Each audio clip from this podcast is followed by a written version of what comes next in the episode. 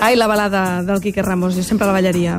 Doncs mira, va, avui anem, anem per feina. Segur- Escolta, com és que parlem de Neil Young? Sí, la teva secció es diu Contra la bona música. És que hi ha coses que no les entenc jo. Doncs mira, jo ja sé que Neil Young és un d'aquests artistes que tothom venera, que sembla que tot el que fa és una meravella. I a tu també t'agrada. A mi m'encanta, és Ah, el meu artista ah, favorit ah, del món. ah. Però us explicaré per què. uh, li tolerem totes les patinades del món, qualsevol xorrada que faci, com que és una mena de sant baró del rock and roll, I tant. doncs és fantàstic, però intenteu oblidar tot això. Aneu enrere, a l'any 65, el tio tenia un grupet allà a, la seva Canadà natal, que es deien The Squires, s'acabaven de separar i el tio se'n va anar a provar sort a la Gran Manzana. Se'n va anar a Nova York a gravar una demo pel segell més important de folk d'aquells moments, o, bueno, segurament és un dels segells... Els de més bèsties. Dels més bèsties, i se'n va anar a gravar una Electra demo Records. a Nova York per Electra Records. Una demo que és una baixida bonica.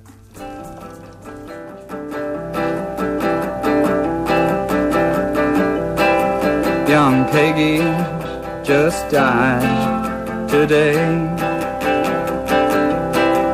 Young Peggy.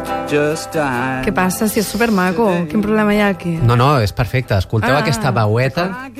Doncs amb aquesta veueta, evidentment, no li van fer ni puto cas, perquè aquell jove amb veu de pito eh, no els encaixava a veure, un moment, gens. un moment, un moment. Sentim un moment. just ran out of clothes. No will. This world just wore the peg em semblava que era molt acceptable, aquesta cançó. A mi també em, sem a mi em sembla fantàstic, perquè a mi em dones una veu de pito i no necessito res més en aquesta vida. Però, perquè entengueu el tamany de la tragèdia, estaria bé escoltar alguna de les coses que estava editant Electra Records en aquells moments, com això. I am a maid of constant sorrow. I've seen També podem escoltar això altre. He was a man and a friend always. He stuck with me. O ja és això altre. If I should leave you, Doncs ara Vols podem dir- tornar vols dir que a sentir... tenien aquella veu així, no? Ara podem tornar a veus, sentir a l'amic. Neil Young. Young Peggy just died. Doncs evidentment els hi va semblar que estava cantant el mateix Pato Donald. Però bueno... Es van eh, equivocar. Ara es devien estirar els cabells després, els Electra Records. Es van equivocar. Després Neil Young va formar Buffalo Springfield, ho va empatar fins al màxim, va començar la seva carrera en solitari, va participar en les mítiques gravacions del, dels supergrupos més importants de, de la història, com són els Crosby, Stills, Nash Young, i el tio es va guanyar aquesta reputació que ara tots sabem, coneixem.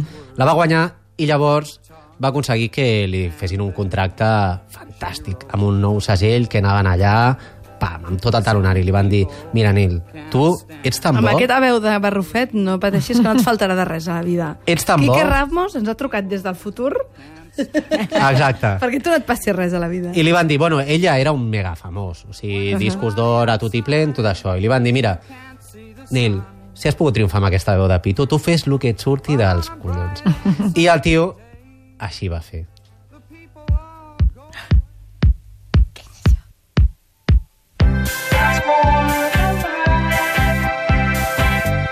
El seu primer disco per Geffen era un disco on ell cantava amb vocoder, on feia servir tot de sintetitzadors Sí, d'una manera els bastant veritat. Els vigis de Canadà, no?, una mica?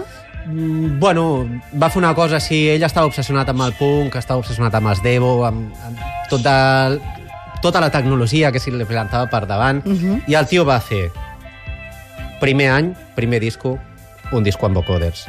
L'any següent va fer un disco de rockabilly, també molt de moda. Clar que sí.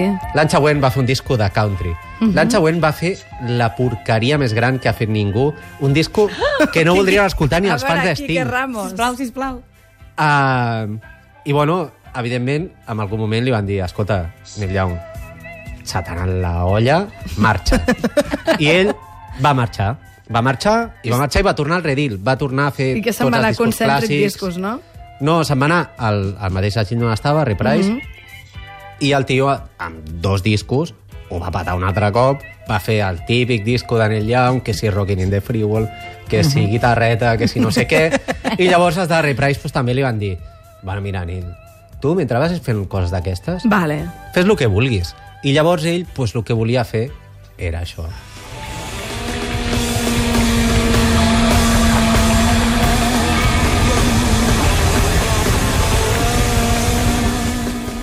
Doncs amb el moment en què estava recuperant la seva carrera i patant-ho al màxim, doncs va decidir que com a complement de, del seu disco Well, doncs anava a gravar un disco que es diria Arc, que és un disc de tots els acoples de finals i començaments de cançons, És el John Thor totes de... aquestes desbarrades.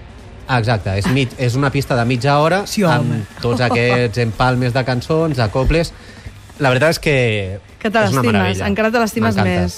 I llavors, ja mega ràpid, No, per no. què estic dient tot això de Neil Young? Neil Young és un clàssic, no se sap per què. Canta amb veu de pito, té discos amb vocoders. Bueno, però Dylan també té, de una veu trencada i estranya. I mira, Ja, però Dylan ningú el respecta com a artista. No, jo- el respecten com a compositor, però no com a com a cantant. Ah, val. Però no, No? com a cantant.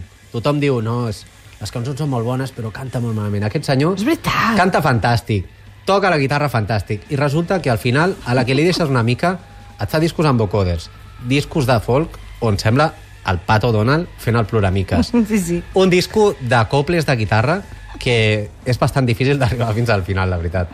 Uh, I jo l'estimo per això, perquè és un tio que s'ha convertit en una llegenda del rock més escarós, fent el que li surt dels nassos i fent discos amb vocoder, que és una cosa que qualsevol rockero odia, odia, O sigui, és la, odia la, al màxim. la perfecció de la imperfecció, no? És la perfecció de la imperfecció. Ens agrada. Molt bé.